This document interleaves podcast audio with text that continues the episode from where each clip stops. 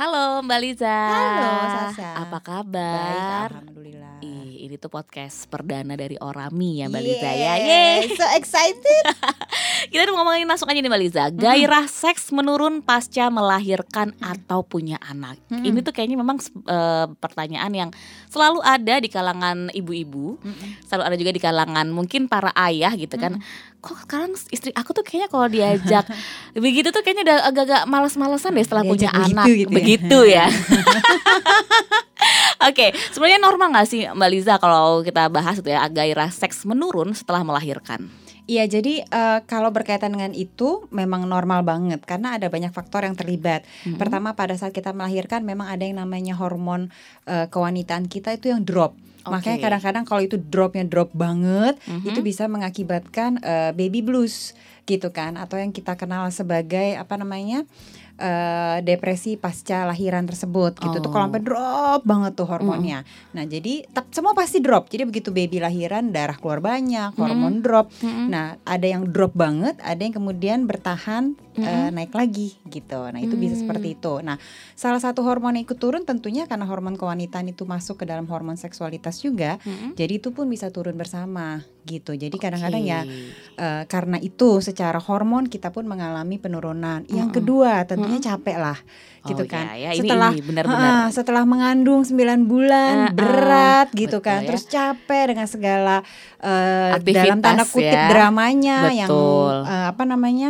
eh, ngidam yang Mm-mm. mungkin ada flek yang ada darah tinggi ada apa banyak lah gitu kan nggak semua mulus ya lah Mm-mm. eh, hamilnya terus habis itu lahiran eh, pada saat entah itu sesar maupun normal tentu membutuhkan energi yang besar sehingga kadang-kadang capek luar biasa Mm-mm. kemudian adaptasi dengan eh, ritme baru nih Mm-mm. Ada anak bayi bangun malam begadang Ya, pagi itu. bangun banget segala macem yang Benar. mengakibatkan akhirnya tuh hubungan seksual menjadi tidak terfikirkan oleh sang ibu gitu yang jadi terlihat oleh sang suaminya itu kok kayaknya turun banget kenapa suaminya nggak affected gitu kan nggak terpengaruh ya pertama hormonnya nggak ada yang turun dari dia Iya iya benar Gitu. juga ya. Bener gitu ya. kan Iya gitu iya. yang iya. kedua dia nggak habis merasakan tuh eh, Mm-mm. hamil 9 bulan dan kemudian harus melalui proses lahiran Betul. ya hanya menemani sih gitu tapi kan bukan Dan membayar ya Mbak Lisa ah, bayar paling kan habis itu kan empot-empotannya di, di itu doang di istri Ah, gitu. Terus abis itu eh, mungkin kalau berkaitan dengan eh, begadang ya mungkin sama-sama begadang, Mhm. tapi most likely memang akan lebih lelah si istrinya karena kalau nenenin kan nenenin istrinya, Nah. gitu kan. Mungkin bapaknya bangun tapi hanya sebentar abis itu ya merem-merem dikit dapet tuh. Iya, gitu. tidur Terus, lagi ah, gitu. Habis itu setelah itu bapaknya sudah kembali bekerja, ibunya masih di rumah. Jadi memang kadang-kadang itu yang mengakibatkan eh, kebutuhan atau keinginan Mm-mm. eh, si apa namanya untuk berhubungan seksual dengan suaminya itu jadi tanpa hilang gitu. Bukan berarti kemudian Hilang sama sekali ah, gitu ya. gitu bukan berarti juga bahwa dia udah nggak tertarik sama suaminya Iya. gitu tapi karena ada banyak faktor banget nih yang terlibat gitu Tapi bener gak sih Mbak kalau ada rasa trauma nih? Karena nih pernah ada teman ngomong nih, aku tuh nggak mau Iya, eh, nggak mau berhubungan badan lagi sama suami karena aku trauma sakitnya ngelahirin dan segala macamnya. Itu kalau secara kejiwaan. saya pernah nggak konseling eh, bapaknya justru yang Oh, karena di oke. situ mendampingi istrinya lahiran terus habis itu bersumpah-sumpah nggak akan lagi berhubungan sama Iya. istrinya karena gila gue jahat banget ya nyakitin istri gue gitu. Nah, itu juga ada satu cerita yang memang eh, mengatakan bahwa seorang suami ada rasa trauma ketika menemani sang istri lahiran gitu. Ada Mm-mm. rasa eh, trauma karena dia melihat secara langsung, ada juga rasa trauma dia nggak tega, nggak tega atau dia udah ngerasa aduh ngelihat prosesnya proses tersebut lahir ya iya. kan, jalan lahirnya Iya. tuh yang semula biasa itu ya Mm-mm. mungkin dari yang kecil jadi lebar gitu Mm-mm. dia ngerasa bahwa ini kayaknya nih nggak mungkin nggak iya. lagi deh nah itu tuh kayak gitu tuh sebenarnya ada nggak sih mbak trauma tuh bisa pengaruh nggak sih ke rasa bisa banget Mm. gitu kan kalau kalau yang namanya kita udah pernah mengalami trauma dalam kondisi apa pun itu bisa untuk berpengaruh ke mana-mana gitu tidak hanya Oke. ke gairah seks tapi bisa juga jadi nafsu makan berkurang terus habis itu emosi juga meletup-letup itu sih bisa nah berkaitan dengan yang tadi Mm-mm. kayak tadi Sasha mengatakan bahwa mau normal maupun sesar Mm-mm. gitu ya itu tergantung orangnya gitu dalam arti kalau sesar nih sebenarnya kan jahitannya aman kita percaya nggak nih sama dokter kita nih Iya, gitu iya, iya. jahitannya aman semua baik-baik aja jadi Mm. ketika berhubungan seksual mungkin ada peri-peri dikit tapi percaya aja bahwa karena takutnya ntar oh ntar kalau berhubungan seksual robek bro Iya. gitu ya kan nggak semudah itu ya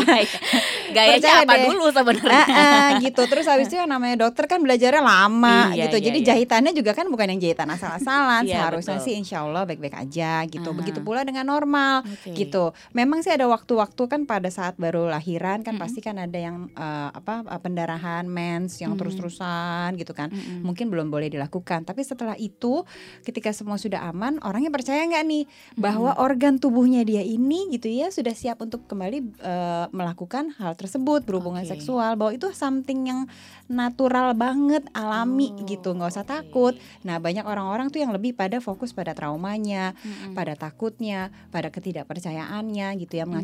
Akhirnya ntar ada aja komplikasi tiba-tiba mungkin jadi sakit banget Hmm. tiba-tiba mungkin tidak ada lubrikasi tuh kan bener Mm-mm. kan ini pasti belum siap nih ah, gitu jadi jadi eh, overthinking Ah, ah, ke mana-mana ya yang mengakibatkan tubuhnya berespon dengan si overthinking tersebut Hmm, gitu. Oke, boleh tahu nggak sih Mbak Lisa sebenarnya kita sebelum menuju ke expert ya, apa yang harus moms or dads lakukan ketika memang merasakan bahwa ada something nih ketika gairah seks mereka menurun Mm-mm. gitu? Pertama eh, adalah komunikasi antar pasangan tersebut dulu, gitu Oke. kan, antar si suami dan istri gitu. Nah ini yang Mhm. kadang-kadang ngomongin seks aja pada nggak mau, sesimpel gitu ya. Sesi- padahal kan kita menikah dengan seorang, harusnya Aha. itu kan bisa ngobrol all out ya, gitu. Betul. Kadang-kadang hanya untuk ngobrolin posisi apa sih yang kamu suka, Jadi Gitu kan. pada malu itu pada atau apa, malu iya, gitu. Iya, atau iya, sesimpel iya. misalnya gitu ya menanyakan kayak "Eh, kamu kalau lagi eh, kamu dulu pernah masturbasi nggak sih? Gitu. Kita Pasti. pengen tahu aja. Kadang-kadang kan ada pertanyaan-pertanyaan kayak gitu. Itu tuh Iya, kadang-kadang nanya aja nggak nggak enak gitu. Iya. sungkan atau segala macam. Padahal sebenarnya kemampuan untuk mengkomunikasikan itu menjadi penting Oh, gitu. Kita tahu apa yang dia suka, kita tahu apa yang kita nggak suka. Nggak- atau gini, sebelum masuk ke situ ya, kadang-kadang kita sendiri pun kita nggak tahu loh kita maunya kayak gimana. Karena Betul. dari kecil kita hidup dalam budaya yang seks itu tabu. Betul. Itu yang menyebabkan bahkan yang namanya pendidikan seksualitas pun tidak ada di sekolah. Karena bisa dikatakan tabu, dikatakan nggak boleh diomongin, Iya. dikatakan bahwa itu dosa segala Iya, macam iya, yang iya, mengakibatkan kita tumbuh nggak bisa membicarakan itu gitu bahkan Iya. diri kita sendiri lupa padahal sama halnya ini ada satu teori yang mengatakan sama halnya dengan udara Mhm. kebutuhan seksual itu adalah suatu hal yang kebutuhan primer juga loh sebenarnya Oke. gitu itu natural banget alami banget Mhm. gitu kan sesuatu yang memang Tuhan sudah berikan prosesnya demikian gitu jadi pertama-tama coba kalau kita berbicara mengenai dalam kasus ini adalah gairah seksual segala Mhm. macam pikirin dulu gitu sebenarnya aku tuh kayak gimana sih bentuk uh, apa namanya uh, uh, orangnya berkaitan dengan seksualitasku nih gitu kan Tanya pada diri sendiri dulu ya. Heeh, Oke. jangan-jangan Lala nggak tahu gitu kan ada loh Iya, iya, orang iya, yang iya, misalnya mungkin lebih suka berhubungan di malam hari ada orang yang Oke. nggak suka malam hari udah capek pagi hari aja tapi saya pernah punya uh, kasus ya gitu juga berantem karena istrinya ternyata tidak mau di pagi hari karena buat dia kotor bau mulut segala macam gua nggak pede gitu Oke, Nah, nanti dan dia nggak ngomong gitu Gak ada komunikasi. nggak ada komunikasi situnya. sementara suaminya capek nih malam hari Iya, gitu iya, kan iya, gitu iya. uh, pulang Pengennya kerja segala hari. macam enak kan gue pagi hari aja deh nah bertahun-tahun kayak gitu sampai akhirnya tiba-tiba istrinya depresi aja Oh, karena ketemu saya si waktu ah, ketemu tadi saya ya. dia menganggap mengatakan bahwa iya dia nggak paham aja gue merasa diperkosa tiap pagi gitu Wow. kamu udah pernah ngomong belum belum ya kan suami lo mana gue tahu kan gitu jadi ngebulutnya Iya, iya. cuma di situ doang gitu jadi kalau saran saya ya belajar kalau kita berbicara ke- mengenai seksualitas tadi gitu Mm-mm. hubungan seksual ya coba dibicarakan dulu kenalin diri sendiri dulu Mm-mm. dan kemudian ngobrol dengan suaminya dengan istrinya Oke. gitu ini menjadi penting kadang-kadang obrolan itu tidak ada gitu ya Benar benar benar. Kadang mereka udah ngerasa emang tabu atau ngerasa aduh ini pasti Mm, apa padahal kan gitu. simpel ya kalau dia Betul. ngomong mungkin suaminya hanya tinggal mengatakan bahwa oh ya udah tiap pagi gue bangun lebih pagi gue gosok gigi dulu ya Iya. ntar kita ketemu lagi Kode ya sebenarnya. kode ya. kan gitu tapi karena dia nggak diomongin ya suami juga nggak tahu Iya. gitu Dan komunikasi selain sama diri sendiri juga komunikasi bersama pasangan gitu. Mm-mm. Eh, boleh nggak sih Mbak Liza mungkin kasih tips yang mungkin ada beberapa pasangan moms and dads yang dia sama sekali tidak tahu bagaimana memulainya untuk komunikasi dengan pasangan. kalau nah kalau orang-orang yang tidak terbiasa komunikasi Mhm. biasanya kalau saran saya itu dimulai dengan dia bikin coret-coretan aja dulu Coret-coretan. Kayak jadi nyatet aja sendiri gitu Oke. ada orang yang nggak terbiasa loh ini tuh organ-organ tubuh kita ini tuh juga butuh dilatih Mulut, Ah, ini, mulut gitu kan lidah terus gitu ya. eh, kerongkongan nah gitu latihan segala macam nah ada orang-orang yang setelah bertahun-tahun katakan Pak kalau kita menikah Mhm. itu kan kurang lebih sekitar 25 26 bahkan ada yang sudah menikah 30-an ada yang menikah Mhm. kedua kali umur 40-an kan Mhm. gitu jadi kebayang selama puluhan tahun itu nggak terbiasa ngobrol ngomong Oke. bukan ngobrol-ngobrol yang sekedar ngobrol chatting hahaha hihihi ya Iya, tapi iya, ngobrol iya. yang dalam nah eh, biasanya latihannya adalah masing-masing bawa pocketbook Oke. nyatet gitu coret-coretan aja nih gitu kan terus Uh-uh. ngapain ya nih, nih, nih, gitu oh gue sebenarnya ini kadang-kadang ada yang nggak bisa secara verbal tapi bisa eh, tulisan Secara tulisan. Nah nanti kalau ya udah deh kita sepakat ya sama-sama ya lo nulis selama sebulan gue nulis selama sebulan Sebulan tuh yang ditulis adalah Ya kalau kita Unek-uneknya? berkaitan kasus ini Ah. gitu ya mengenai diri gue sebenarnya gue tuh kalau eh, apa sih yang aku pikirkan tentang seks Oke, berarti Gitu. ini Mams boleh juga dengerin ya Mams ya. Mulai dicoba satu pertanyaan pertama adalah apa yang terpikirkan ketika dalam masalah tentang seks. Ah, Itu gitu. pertanyaan pertama Terus gitu aku ya. pernah punya pengalaman pengalaman baikku tentang seks apa, pengalaman buruk Oke. tentang seks apa. Terus habis itu initial kontaknya kayak apa sih? Terus ada nggak sih posisi yang aku suka gitu segala macam. Sebenarnya itu adalah eh, pertanyaan-pertanyaan umum. Setelah itu Oke. ya melebar aja. Biasanya kalau kita sudah terlatih curhat kayak diari gitu loh. Oh, oh, ah. dear Derry gitu Ah, ya. ah, gitu dan itu tuh dibawa ke mana-mana. Kenapa? Karena ini tuh kayak kita eh, koleksi data yang bisa tiba-tiba nongol di tengah hari pada saat kita lagi di mana. Oke. gitu jadi tiba-tiba mungkin lagi di mall makan gitu kan ngobrol sama temen atau melihat sesuatu pas kita jalan kita melihat sesuatu terus ingat ah oh iya ya gue sebenarnya kalau pakai lingerie kayak gitu gue feel seksi banget tuh Oke. Nah, itu tuh langsung catet jadi pocket gitu ya. tuh ada nanti setelah katakan sebulan gitu kan Mhm. Ngobrol sama suami suami juga keluarin pocket booknya Oke. nah biasanya kalau udah ada pegangan ngomongnya Mhm. lebih enak daripada ntar kalau nggak ada pegangan nih jadi gimana gimana ya Ya, Iya, lupa semua sih. kayaknya. Iya, nggak kenapa-napa kamu oke oke Kan gitu. Padahal oh banyak Ah, banget itu gitu. unek-unek Nah kalau ada ini tuh nah setelah eh, biasanya setelah latihan seperti ini rutin enam bulan aja gitu ya. Mm-mm. Jadi per sebulan sekali diajak ngobrol atau bahkan lebih cepat lagi dua minggu tiga minggu gitu ya Mm-mm. diajak ngobrol itu tuh nanti terbiasa ngomong. Ini tuh Oh, kelatih iya, iya, tuh iya. gitu At- or, apa eh, organ-organ mulut, Mhm. kerongkongan, lidah yang ter- yang pokoknya organ-organ bicara gitu ya. Mm-mm. Akhirnya terlatih untuk ngomong jadi terbiasa. Setelah komunikasi Mbak Liza antar pasangan tadi Mm-mm. komunikasi mereka Apalagi yang bisa dilakukan iya. pacaran dong berdua gitu kan check in semalam bayi dititipin ke siapa ya Nah, nanti nah, ya itu tergantung gitu? tuh. Nah, Nah, itu adalah kesepakatan bersama. Kalau Mhm. misalnya bayi memang bisa dititipin ke kakek neneknya, terus ada susu, pompa ASI aman segala macam, kenapa enggak? Kalau nggak ada kakek neneknya di dalam Kalau nggak ada kakek nenek, ada kakak tantenya, ada siapa? Kalau bisa. yes. Kalau tidak bisa juga gitu. daycare juga ada yang Daycare harian, bisa, iya, berarti kan? tidak usah nginep. Oh ya udah deh sayang kita nggak usah nginep ya, gitu. Mhm. Kita eh, ini aja dari jam sekian sampai jam sekian kita daycare segala macam. Survei dulu tuh daycare-nya sebelum benar-benar menitipkan anak, mungkin katakan trial Mhm. gue titipin nih uh, day- uh, baby di sini tapi gue liatin dulu hari ini gimana kerjanya dia segala macam Oke. sekali dua kali kalau rasanya udah aman tenang gitu kan coba gitu Hmm. Kadang-kadang kita harus punya kepercayaan untuk letting go seperti itu Mhm. gitu terus habis itu pacaran. Terus nanti ada momen-momen di mana jangan lupa gitu kan si uh, baik suami maupun istri sebenarnya. Oke. itu sama-sama berdandan cakep gitu loh untuk pasangannya. Itu setelah pacaran maksudnya? Eh, Atau- bisa kalau itu sih setiap hari. Harus ada waktu-waktu ya? misalnya istrinya suaminya tahu mau pulang bentar lagi nih oh ya ya gue dandan dulu deh gitu kan. Iya. terus itu terus tahu. Nah komunikasi kan juga tahu biasanya iya sebenarnya sayang sebenarnya aku suka deh kalau kamu pakai lingerie yang berenda gitu. Ada loh laki-laki yang nggak suka malah kamu ngapain sih lebih banget? Kamu kayak bintang film apa deh gitu. Nah jadi malah Iya, iya, ilfil iya, ngeliat iya, itu. Iya. nah kita kan nah itu kok itu didapat tuh dari komunikasi, komunikasi benar. Gitu. Jadi kalau misalnya oke katakan kita tahu nih suaminya sukanya pakai berenda ya kita coba tuh pakai yang berenda-berenda atau ada Oke. warna spesifik khusus. Aku suka Merah banget deh kalau ah, aku hitam suka banget gitu. deh ngeliat kamu pakai warna merah gitu. Nah Mhm. eh, ada hari-hari khusus seperti itu. Suami juga begitu. Oke. Gitu Nggak ada hanya suami yang udah ya. gondrong terus habis itu aku ilfil banget loh saya ngeliatin kamu gondrong udah ngomong sekali tetap gondrong. Ya gimana rambutku memang begini? Ya lo apain ke lo iket ke lo ini segala macam nah Iya. itu kadang-kadang tuh yang yang suami juga merasa yang perlu berdandan itu hanya perempuan. perempuan Padahal perempuan pun butuh untuk secara cakep loh. visual ya betul gitu. balik ke masalah pacaran pacaran ini adalah menghabiskan waktu berdua Mm-mm. menghabiskan waktu berdua ini dalam artian adalah apa langsung menuju ke tempat Hotel? iya Ah, Sebenarnya nggak hotel gini, atau- ada beda. Kalau perempuan itu butuh kalau laki kita masih berbicara mengenai seksualitas ya. Kalau Mhm. laki-laki itu bisa langsung